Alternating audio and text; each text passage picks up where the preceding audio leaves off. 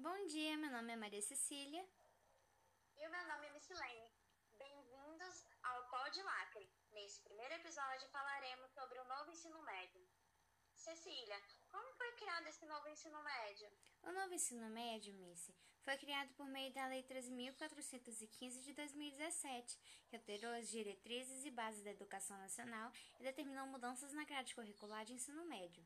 As novas regras determinaram mudanças significativas em todo o contexto escolar dos alunos, professores e das escolas. O prazo estipulado para que todas as instituições de educação se adaptem à nova lei é até o ano de 2022. Missy, você sabe qual foi o motivo? Sim, o motivo da iniciativa da transformação do novo ensino médio se dá pelo atraso do processo de aprendizagem do Brasil. Ou seja, os alunos que completaram a base escolar não possuem as habilidades e competências para o mundo do trabalho. Além de oferecer desafios para professores e alunos, o novo formato de aprendizagem demonstra boas perspectivas para o futuro dos alunos. O estudante tem a oportunidade de construir seu itinerário formativo, de maneira que aprenda a ser uma pessoa segura e com conhecimentos essenciais para tomar decisões cada vez mais certeiras em qualquer momento da sua vida. Cecília, você sabe se teve alguma mudança na BNCC? Teve sim. O quê?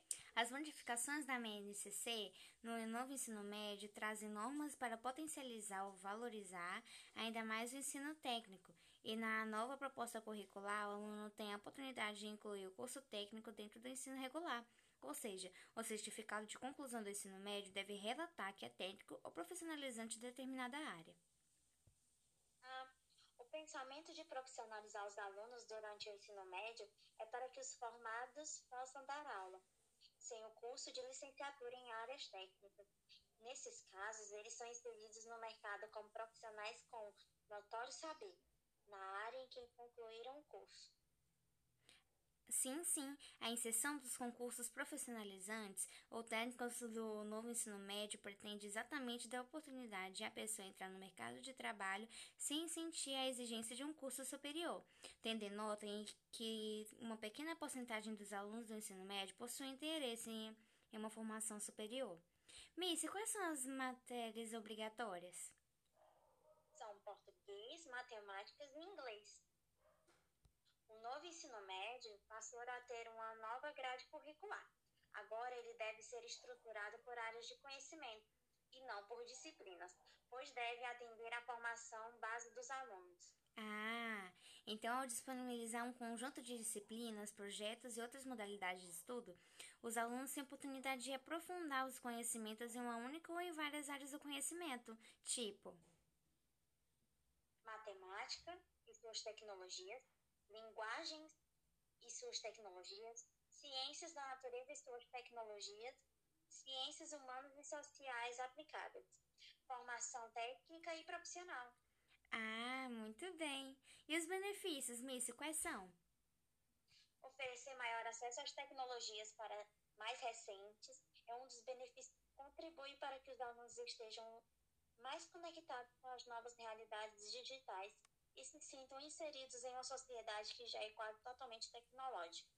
Ah, podemos dizer que o novo ensino médio está sendo um desafio duplo para a maioria das escolas, pois há dois grandes propósitos a serem aprimorados, tanto nos estabelecimentos de ensino quanto na vida estudantil dos alunos. Missy, você pode falar quais são? É, o primeiro é a oferta de um ensino híbrido, exigido por consequência do distanciamento social provocado pela pandemia que o novo coronavírus acarretou. Como as aulas híbridas ainda permanecem, as escolas continuam em processo de adaptação digital. O segundo é a expiração do, do tempo de adaptação, que está findando, devido às problemáticas de 2020 e 2021. Algumas escolas tiveram dificuldade de atender ao prazo do novo ensino médio. Portanto, adaptar-se ao novo ensino médio é uma necessidade que pode resultar no desenvolvimento escolar dos alunos nessa etapa de estudos, não é? Infelizmente, nosso episódio está chegando ao fim, mas quero lembrar que o novo ensino médio será incluso em 2022 somente para as primeiras séries. Em 2023 será o primeiro e segundos anos, e finalmente 2024 finalizará esse processo com o terceiro ano. Obrigada por mais um episódio. Até o próximo.